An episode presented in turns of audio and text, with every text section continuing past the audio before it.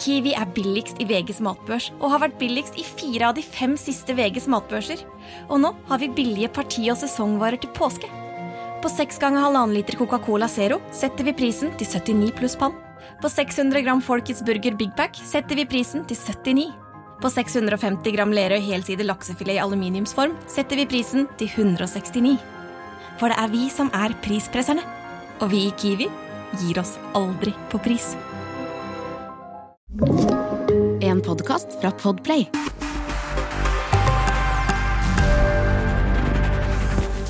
Velkommen til Bli hørt. Podkasten som tar for seg det unike med lyd, og hvorfor det bør være en del av mediemiksen. Jeg heter Lise Lillevold og er salgsansvarlig i Bauer Media, og er over snittet interessert i lyd. Dagens episode er litt spesiell, og derfor låter den litt annerledes også.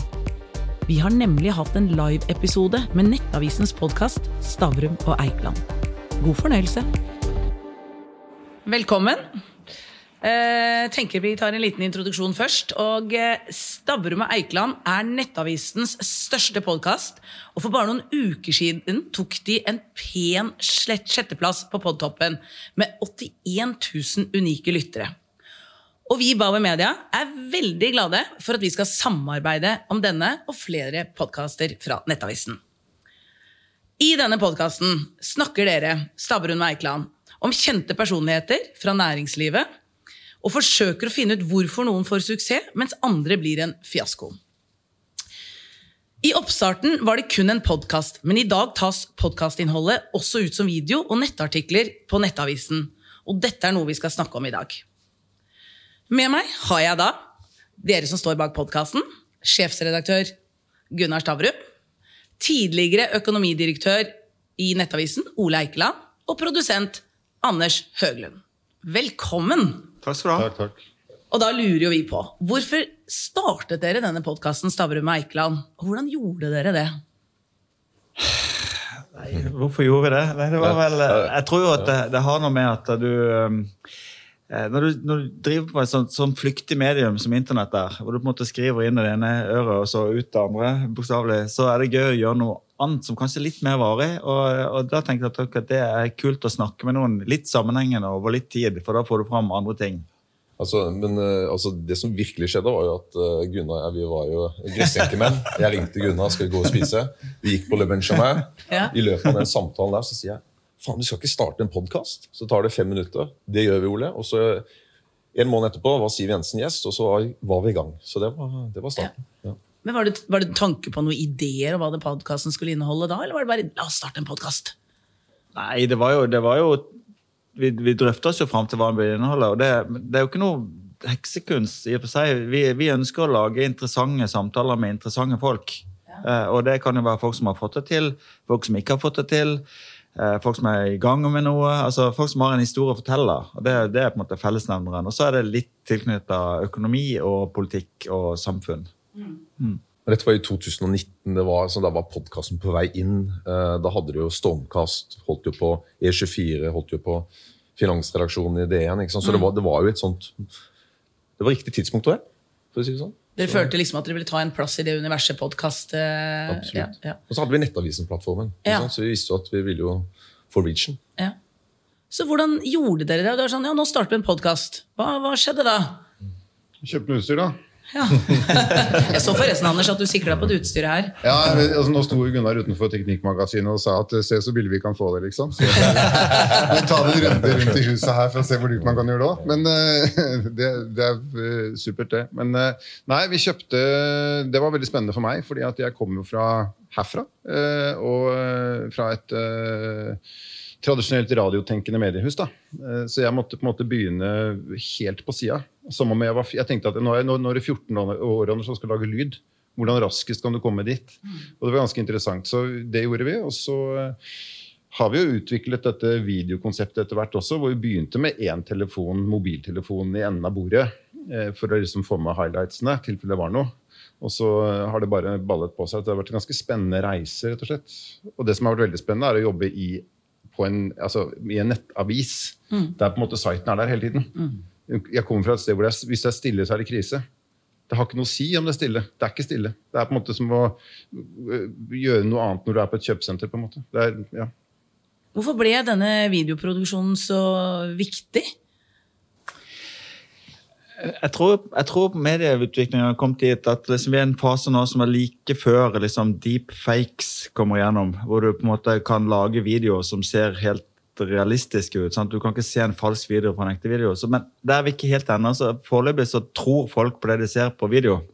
Det er på en måte, det er nesten enda bedre enn lyd, men lyd og video sammen er ganske bra. Så, så dokumentasjonseffekten sånn, For eksempel den, den podkasten med Abid Raja som vi tok veldig tidlig etter at han ga ut boka si, den tror jeg gjorde et stort inntrykk på folk, for da fikk du se han fortelle. sant? Så det er et ekstra fortellergrep. Og så er det jo også en bra mulighet for, eh, for annonsører. Altså det, det, er jo veldig stor etterspørsel etter videoreklame. sånn at i tillegg til radioreklame, så også kommersielt. Mm. Altså, folk elsker å se video. Sånne korte videoklipp på sosiale medier.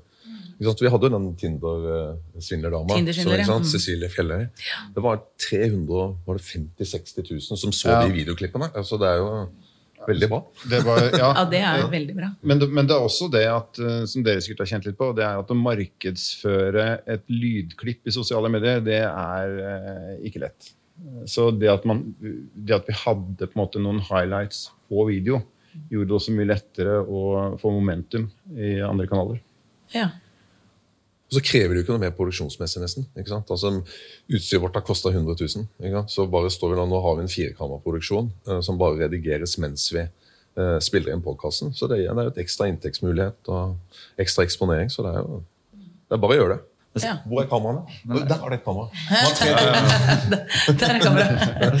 siden, siden, denne podkasten henvender seg til liksom profesjonelle brukere, så tenker jeg lyst til å si, eh, ta litt opp tråden fra Anders der. for at jeg kommer fra TV 2. Jeg kom fra TV 2 i den perioden hvor, hvor kameraene i et studio kosta en million kroner. Sant? Eh, I dag så produserer TV 2 nyhetsinnslag med iPhone. Eh, og eh, lyden blir faktisk mer enn god nok for vårt formål eh, med billig, billig utstyr. Eh, og det, vi konkurrerer jo med folk som driver eh, på Instagram på YouTube med, med billig og effektivt utstyr. Det, sånn det koster deg 10 000 kroner, så kan det være massemedium i dag. Og det, hvis vi insisterer på at vi skal drive på gamlemetoden, så blir vi utkonkurrert av dagens 18-åringer. Så vi er nødt til å følge med teknologisk også.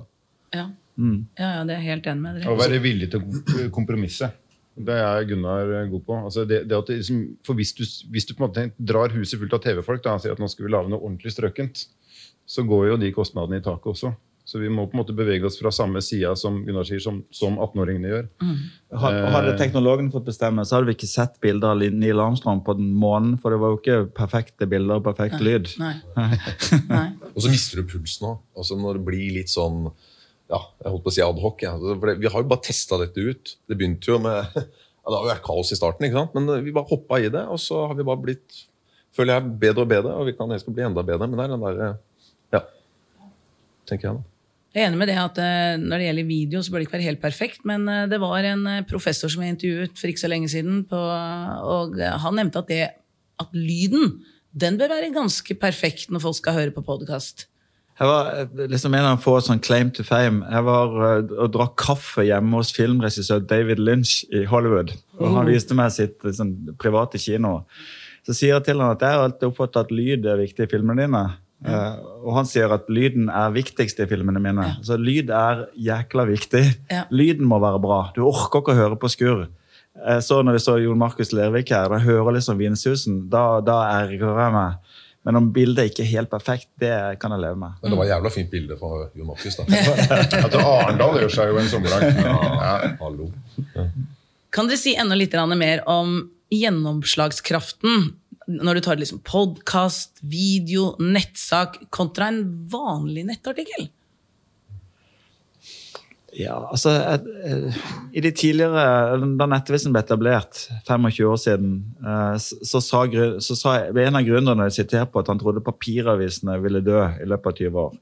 Nå, de måte, nå ligger de jo på sotteseng, det skal sies, men døde er de ikke. Og det, det, som ligger i det, tror jeg på en måte, at det er fortsatt folk som gir ut dikt på papir. altså Ulike medier har ulike fortrinn. Eh, og Eh, noen ting er bare superbra på nett, med en gang fort ut med teksten og nyheten kommer ut. Men hvis du skal ha inn emosjoner eller, eh, eller på en måte realitet og dokumentasjon, så tror jeg liksom du må ha også virkelig materiale, mm. som, som lyd er et godt eksempel på. Mm. Og så, så hever de også litt sånn greia internt i Nettavisen. Det er ikke ofte statsministeren er på besøk i Nettavisens redaksjon. Men for å spille inn podkast, så kom hun. Det var da Erna. ikke sant? Og, og Jeg tror det også bidrar litt. altså. Jeg tror det er viktig for, for Gunnar. Eh, og, og jeg merker også med de altså Jonas, Første gang vi ringte folka hans, så er det kanskje ledig i mai, jeg ringte i januar. ikke sant? Og så kom han i mars. Og neste gang jeg ringte, da tok det to timer. Han er der om to dager. ikke sant? Så Det er også den der at de har lyst til å komme også til Nettavisen. Så jeg tror det bidrar til å heve Nettavisen litt også. tror jeg. Altså. Ja, for det der peker på der er jo noe av forskjellen som når jeg kom herfra, eller fra radio og i i og for seg litt TV innimellom også, og til en avis, så var jo det, det var jo på en måte tom for kjendiser. Altså Alle ringte dit, og det var helt stille overalt. Veldig rart å komme inn der, egentlig. Eh, når du kommer fra et sted hvor du har møtt Samantha Fox i gangen, liksom. Eh, Hvor var det? ja, greia, er at, greia er at det er på en måte det, Til det Ole sier, altså det, er, det er noe med det å få fjes. da det å altså, det, det å altså få en sånn helt fysisk kontakt med de menneskene du snakker med, det trigger jo en masse greier hos folk. Altså, vi er ganske gode på å huske hverandre, forstå hverandre, høre på hverandre. Så, så eh, det er et viktig element. Men litt, jeg har lyst til å si noe med den der, Du snakker om gjennomslagskraft og sånn. Ja. Altså, den Tinder-svindelen er et godt eksempel. For der gjorde vi jo, gikk vi jo godt igjennom. Der, var, der la vi altså en 40 minutters video. Ut av det innholdet som ligger i den videoen, så skrives det en sak. I den saken så legges både podplayeren og klippene og videoen. Og så ender podkasten med 81 000 eh, lyttere ca. Videoen ble sett av uh, 25 000. Og så var det 360 000 som så klippene, som er hentet da rippa rett fra uh, den videoen. Og podkasten er også rippa. Altså vi gjør det med video, og så bare export audio only. og så er det podkast. Så det er på en måte ganske effektiv måte å gjøre det på. Så du er saken har lest over 100 000 også? Ja, 106 000 som har lest saken. Så du kan si 106 pluss 81 pluss 25 pluss 360. Ja. Begynner å bli en god reach, det. Ja. Ja. Ja. Og så- og så med tanke på de folka som sitter her nå og hører på dette, kan man tenke deg i samarbeid med Stavrum Eikeland tenk deg, Får deg alle flatene, alt. Så det er jo bare. Egenreklame. Ja. Jeg har- Men jeg, jeg, jeg har lyst til å egentlig snakke litt pent om profesjonen eh, som eh, Bauer representerer, og som Anders Høglund, på en måte, som jo er eks-Bauer-mann, representerer hos oss. For dette, det blir jo ikke god fjernsyn av at to personer eh, går rundt og filmer med eh, iPhone. Det blir ikke noe god eh, radio heller av at folk sitter bare og, tar en mikrofon. Sant? Det, er jo, det er jo et fag å kunne lyd og radio, og jeg tror Ole, vi skal være je- veldig glad for at vi har hatt Anders med oss. Det er sminkøren deres, på en måte. ja, men altså, du er jo rå. Altså, er-. Og så er du så ærlig òg. Ja. Brutalt ærlig. Kunne du ikke sagt litt før? Nei, det er, Her blir du solgt opp. Ja, vi Må komme det er bra, oftere. Det er bra, det. Nei, men jeg tror, jeg tror også det er viktig at man tør å være ærlig. Fordi at det er klart at det, de kranglene man har på kammerset, de, eh, de er jo lette å håndtere. I forhold til å på en måte dumme seg ut eh, på scenen. Så ja, der føler jeg at den, den, den dynamikken i hele gjengen er veldig god. Ja, men helt enig. Altså, Gunnar, vi, vi, vi kan finans, vi kan politikk og vi kan journalistikk. Men vi, vi har aldri gjort noe sånn som dette. Og det er klart, det, Den erfaringen til, Gunn, nei, til Anders med, med altså, Jeg vet ikke hvor mange du har intervjua opp igjennom på, på radio. altså Det er jo helt hinsides. ikke sant? Så, altså, de, de små tingene å justere, det får frem følelsen hos uh, intervjuobjektet og sånt. Nå. Jeg har krangla med 25 000 på lufta. Ja, ikke sant? Ja, ja, ja. Jo, jo, jo. Men også... Men hva skal til. Anders, hva skal til Anders, for å bli eh, en god podcaster, som eh, disse gutta har blitt nå? Med Skal jeg si noe som får programdirektøren deres til å elske meg? Du skal holde deg kort. Eh, bestemme deg for hva du skal gjøre. Altså, det er stor forskjell på sjangerne. Altså, du skal lage en lydbok. Da. Du lager et univers hvor du skal sitte og oppleve noe over lang tid. Så tenker du å, la det aldri ta slutt. Eh, la meg få lov på en måte å være i dette. Eh, og du kan hoppe ut og inn av det. Men det å tro at det altså, Når Stavrum Eikeland lages, den er tematisk, den handler om noe. Lytteren investerer tiden sin, er ganske klar over det så tror jeg at man skal være god på å holde den avtalen som lytteren kommer med. Og den store forskjellen på radio også. det er at Når du sitter og hører på radio, så er du på en måte klar for det som kommer. Og så må du ikke plage deg for mye, for da skrur du av eller zapper. Mens når du har starta playeren i en podkast, så har du på en måte gjort en avtale med lytteren. Lytteren har sagt 'ja, dette vil jeg høre'. Og hvis du bruker ti minutter av på noe annet først, så er du jo ferdig. Altså, du, må, du må levere det med en gang. Det er derfor vi klipper introene som vi gjør også. Bare sakser inn highlights med en gang, og så sier vi at det står merkelig om Nettavisen, og så setter vi i gang. Det er liksom ikke noe pause der, og det tror jeg at den derre eh, innsats, handling, gevinst, enarva banditt-filosofien eh, funker. Altså, det handler om den gode samtalen. Ja. ikke sant? It's, uh, og det tror jeg vi får til. Altså, vi, altså, når, når politikerne kommer til oss, så er det ikke sånn på debatten hvor de må altså, En blir sånn kjørt av eh, Fredrik. Ikke sant? Men, men hos oss kan de kanskje underbygge mer. Og så stiller vi selvfølgelig kritiske spørsmål. det er ikke det. Altså, eh, men men de, de får- sagt mer om visjonene sine. da. Men dere er Det skumle, da. Hæ? Dere er skumle. Det er en av, en av de få tingene, en av de få fordelene med å være sørlending, det er at folk tror at du er så utrolig snill, for du snakker så søkkmodig. Så, så kan du komme med ondskap og hevngjerrighet. eh, Snakk for deg sjøl. Er det noen som har blitt vettaskremt og vært hos dere? Kan dere, kan dere ikke gi en morsom episode? Kom igjen. Ja, vi kan ikke si navn. Nei, Men, da trenger trenger ikke dele navn. Men uh, vi har hatt noen. Vi kan si at vi hadde 53 minutter råtape som ble til 13 minutter podcast. Da var det mye hva skal jeg si, utslukning underveis. Men, men det er jo forskjell på gjestene. Noen da er jo erfarne og, til å bli intervjua, noen har alle blitt det før. ikke sant? Så det er klart at da, da må vi jo være litt snillere. for å si det fint. Men de, de verste intervjuene synes jeg, det er type Erna Solberg, eh, som er så altså De er så eh, hardkokt i, i møte med media at de tør ikke senke skuldrene, selv om du på en måte forsøker å få dem til å senke skuldrene. Eh, og det, men det som er fint, da, det er at Norge, norsk offentlighet er full av utrolig mange uinteressante personer. Mens det er mange interessante personer som ikke eh, kommer fram så mye. Og de, de får du interessante samtaler om med, selv om folk ikke har hørt om de nødvendigvis fra før. Men, eh, men eh, de, mest rutinerte eh, har vært ofte vanskeligst å få noe bra ut av. Men du, du sier noe riktig det med å få de til å senke skuldrene. Så ofte på podkastene våre syns jeg personlig at de blir bare bedre og bedre utover. Og det er alltid en sånn challenge. Hopper folk av før de kommer til the, the good parts? For da, da får vi de til å slenge, jeg- senke skuldrene. Ta, ta en sånn, eh, sånn person som Jonas Gahr Støre, som på en måte mm, som eh, skjelles ut for å være en eh, hva heter det noe, en sånn vær- værhane, tåkefyrste. Jeg syns at han har vunnet seg ekstremt i lange samtaler. Fordi at han faktisk lytter og responderer og prater. Når han forstår at vi ikke er ute etter å få han til å si noe dumt i forhold til hva Arbeiderpartiet mente i 2017. Det er ikke konseptet vårt. Ikke Trond Giske, ikke Hadia, ikke alt det andre. ja. Har dere hatt et um, eh, Spilt inn en podkast eller hatt et intervju som har eh, gått helt andre veien enn Overraska dere? Som ikke ble som dere tenkte, men ble jæskla bra likevel?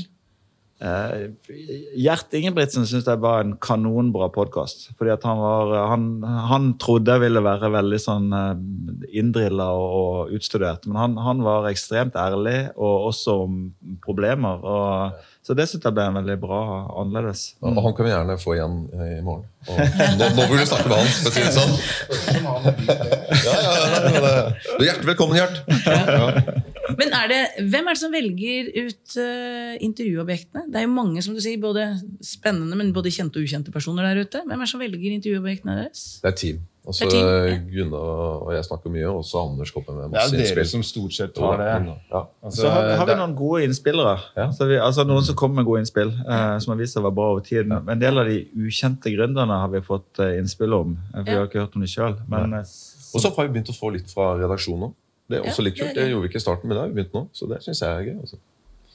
Men så er det jo viktig at de som skal sitte og gjøre the performance, liksom, de har eh, en fot for det de skal gjøre. Altså Hvis du har podkastvert som ikke helt skjønner hvorfor han har den gjesten, så blir det liksom pussig eh, konstellasjon. Det er liksom brudd på alt. Og det sitter jo med liksom to ekstremt kunnskapsrike folk. hvem da? Eh, Er det oss? Skryter du nå? Ja, ta det, Ja. Ja, ja, du, du. Jeg kan intervjue dere oftere. Så det får mer skryt. Er. Eh, nei, men, og, det, og det å dra ut det potensialet sant? og få, få liksom den siste lysten til å gjøre ting, i kombinasjon med at vi later som vi er live. Ikke sant? For det er greia. Altså, hvis du sitter og skal liksom drodle deg gjennom en lang greie, og så grave gull, som jeg pleier å si, i en haug av råstoff, så blir det, forsvinner jo nervene og alt sammen. Så den der kombinasjonen der, at det er, at det er litt eh, adrenalin, da. Og så, så tror jeg den miksen altså Det å ha ikke bare de samme typene. Altså bare gretne gamle menn. Det, det, det er kult å ha det innimellom, men ikke alltid. Ikke? Så jeg prøver å få miksen. Da. Han og venner med det. Slutt nå. Nei, nei, men altså, det tror jeg er viktig. Ja. Hvem er det som står øverst på ønskelista nå? Oi. Akkurat nå så kunne jeg godt tenkt meg å ha et hjerte i innbyrdelsen igjen. For det, det er det jeg kunne tenkt meg å spørre han om, men nei.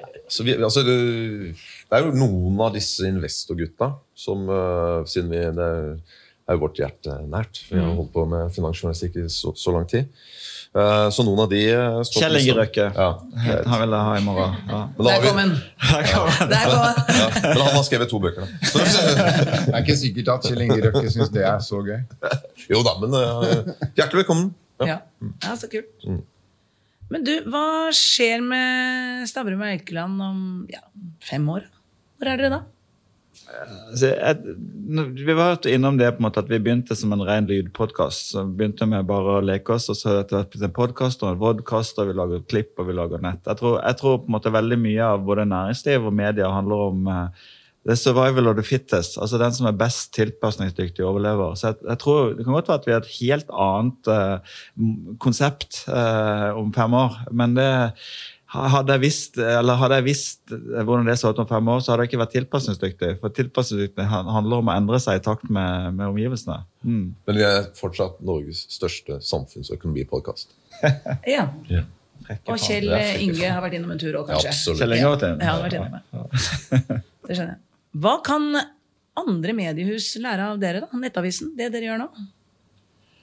Altså, jeg tror på en måte det, eh, det er mange ting andre mediehus ikke kan lære av Nettavisen. Men en ting de kan lære av oss, det er på en måte at vi har vært, vi har vært veldig tilpasningsdyktige. Altså, vi starta Nettavisen på et tidspunkt hvor ikke det fantes eh, nettannonser. Det er litt dristig å starte uten en inntektsbein, sant? hvor vi skulle egentlig ta betalt. Eh, Det, det ga vi opp. Vi, er, vi har hatt diverse nettsider som vi har kjøpt og solgt. Vi er i dag Norges største tippekommisjonær, i tillegg til vi driver Norges største samfunnspodkast. Liksom, endringsvilje, og det er på en måte ikke være redd for endring. Eh, På, tanken min er på en måte, du eh, tar en parallell da, du har fått verdens tryggeste jobb, du sitter i skranken på en bank, du er ikke noe særlig endringsvillig. Så kommer virkeligheten og tar deg, og så blir bankene nedlagt. sant? Eh, Så Hvis ikke du er endringsvillig, så er det mye farligere enn du tror. Det tror jeg på en måte næringslivet generelt kan lære litt av. Ja, og så er det bare å hoppe i det, tror jeg. Altså det der var, eh, alt trenger ikke å være perfekt fra starten. Du trenger ikke analysere deg i hjel og holde på i seks måneder for skal vi starte Eikeland. Vi bare, altså det tok fem minutter, og så var vi i gang. Ikke sant? Så det, det tror jeg er litt, Og det er litt Nettavisen. Det har du gjort ofte, Gunnar. Ja, altså det er jo på en måte næringslivsledelse ved PowerPoint istedenfor Excel. Mm. ja. godt sagt. Så CFO-en var ikke involvert. Men det er jo også en sånn, eh, når du kommer fra tradisjonelle medier altså Jeg kommer fra radio og litt eh, TV, og så kommer jeg inn i en avis og så begynte jeg å tenke at det hva hvis internett hadde vært fullvoksent før man bygde det første mediehuset. Da hadde vi ikke hatt de begrepene. Vi hadde ikke hatt du driver med avis, og du driver med TV og du driver med radio. Så Vi hadde jo jobba på den plattformen med alle de formatene som var mest formålstjenlige for det du skulle gjøre. Så jeg tror jo dette er bare min, eh, jeg tror vi er på vei til det felles eh, hvor den distribusjonen ikke er så interessant. da. Det er ikke, ikke sant? Dette huset her var eksempel preget inntil ganske nylig av konsesjonsvilkår. Lagde ting fordi myndighetene sa sånn skulle det være, hvis ikke så får du ikke lov å eksistere. Og det er klart at det hele frislippet og den letingen etter, etter eh, innhold, og ikke minst da formater å presentere de i. Og det nettet støtter alle. Så ja, det syns jeg er spennende. Men er det ikke litt interessant det som har skjedd med, med da? For jeg sånn, um, Når jeg hører opp eh, podkaster, sånn true crime-podkaster, sånn, så, så minner det meg Eller så er det jo etter mitt hode veldig likt liksom, type radiodokumentarer som jeg har som jeg har vokst opp med, som er et kjent og kjært format på radio. Eh, og så har jeg ergra meg tidvis over folk som tror at bare de får mikrofon, så kan de lage radiodokumentar, som er en sjanger som jeg har veldig høy respekt for. Det er en vanskelig sjanger. Eh, Men noen av de gamle heders, altså de velegna eh, former for å fortelle med lyd, har nå fått sin gjenfødelse gjenfølelse ved at du på en måte ikke trenger å, skru på klokka syv for å høre det, men du kan høre det når du vil. Eh, Så det er jo litt oppmuntrende at det faktisk er fornuft igjen i universet et eller annet sted. Absolutt. Ja, det er jo ikke til å legge under stol at on demand-lytting er jo på vei for å, for å bli. Man velger selv når og hva man vil lytte på. Så har du den ekstreme styrken som lyd har, som ikke noe annet har, og det er at du kan gjøre ting ved siden av. Altså, du, kan bruke, du kan fylle alle de kjedelige tidspunktene hvor du sitter på en buss eller i bilen. Eller, altså, og Hvis du da kombinerer det med on demand og noe du er interessert i, så er det klart at da kan du fylle på uh, din eget hue på, på tidspunkter hvor du ellers ikke kunne gjort noe annet. Så lyd er råsterkt på det. Og jeg tror at mange hører på podkast på vei til jobb, fra jobb. Altså, eh, det, er, ja, det er jo vanvittig istedenfor bare å sitte og scrolle på, ja, ja. på det. Det er, det er veldig behagelig. Ja, ja, det er veldig behagelig. Men, sånn, vi, er jo, vi, er jo, amatører på lyd. Jeg har riktignok jobba i NRK en periode. Jeg har riktignok vært innom NRK radio, så jeg har jeg har hatt noe opplæring der. Men, men, det, men det, som er, det som jeg syns er helt kanonbra med lyd, det er på en måte det er den emosjonen det vekker. At du på en måte når du ser folk si, si, ting på video, så er det ganske endelig. Du, på en måte, du er ferdig med tolkninger. Men når du hører på, bare hører lyden, eh, så, så, vekker litt fantasi og emosjoner også. Det, det, er, det, er, et virkemiddel vi ikke har noe særlig av når vi skriver med tekst på nett. Mm. Så hva er den beste lyden dere vet om, da? Den har jeg ikke funnet opp ennå. Jeg har ikke funnet opp ennå, nei. Jeg mener at, eh, at den mest virkningsfulle lyden er stillheten. Altså rett og slett, eh, også i radio. Av og til skulle jeg bare ønske at både programleder og gjester holdt kjeft lite grann. Ouch. Ouch. Ja, du har veldig feil, du har veldig feil gjeng der. Dårlig cast, Gunnar. Ja, ja, også, også gråt er jo også veldig fint. Gråt. Ja. Det gir oss mange, bare, mange bare, videoklipp. Kan vi, bare, kan vi, ikke bare, si følelser, da? Følelser, ja, følelser, følelser. følelser, følelser. Det er det det handler om. Ja, Kindersvindleren. Du ser det klippet. Det ene klippet rater 80 000, det andre går i 200 og et eller annet. Jeg hva det er. Og 250, det som går i 250, der gråter hun. Ferdig snakka. Jo, men, men altså, vi lever i en tid med ekstremt mye impulser. Sant? og det er på en måte, du, du, slåss hele tiden om enda mer impulser. og da tenker jeg at det er sånn eh, at når jeg, når jeg sa det med stillhet, så tenker jeg hvis det å stille spørsmål å la det være stille før vedkommende svarer, det er ofte et utrolig sterkt virkemiddel. For Det får folk til å Det er liksom uh, å ha et stort, hvitt felt og teksten i midten. Det er mer virkningsfullt enn å bare skrike med store bokstaver. Så derfor mener jeg faktisk at stillhet er uh, bra virkemiddel. Mm. Så sånn på tampen, eh, gutter. Hva kan vi glede oss til med den neste, eller de neste episodene med Stavrum Eikeland? Altså, vi har jo spilt inn neste episode allerede, så, så kan du røpe at uh, det blir uh, Morten Klein. Som begynte Han har vært med på, han var jo deltaker hos deg i Baren på TV3.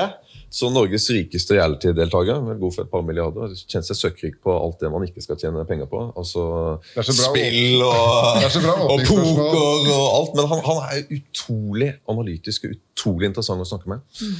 Så uh, nå skal jeg høre gjennom den. Og, og, ja, så det blir veldig gøy. Han har også gjort at Ole nå skal he, uh, lese 'Kunsten og kriget'. Ja. Jeg skal begynne å bli intellektuell. ja.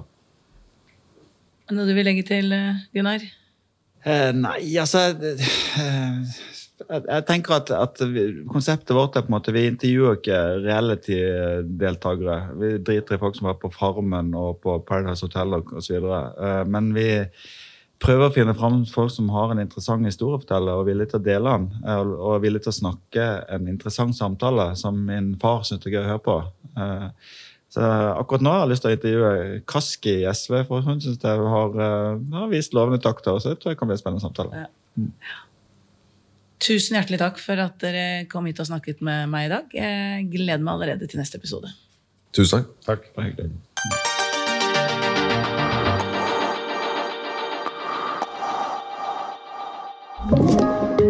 Podkast fra Podplay. Kiwi er billigst i VGs matbørs og har vært billigst i fire av de fem siste VGs matbørser. Og nå presser vi prisen på påskevarer fram til 1. april. På 591 gram Toro vaffelmiks presser vi prisen fra 35,90 helt ned til 29,90.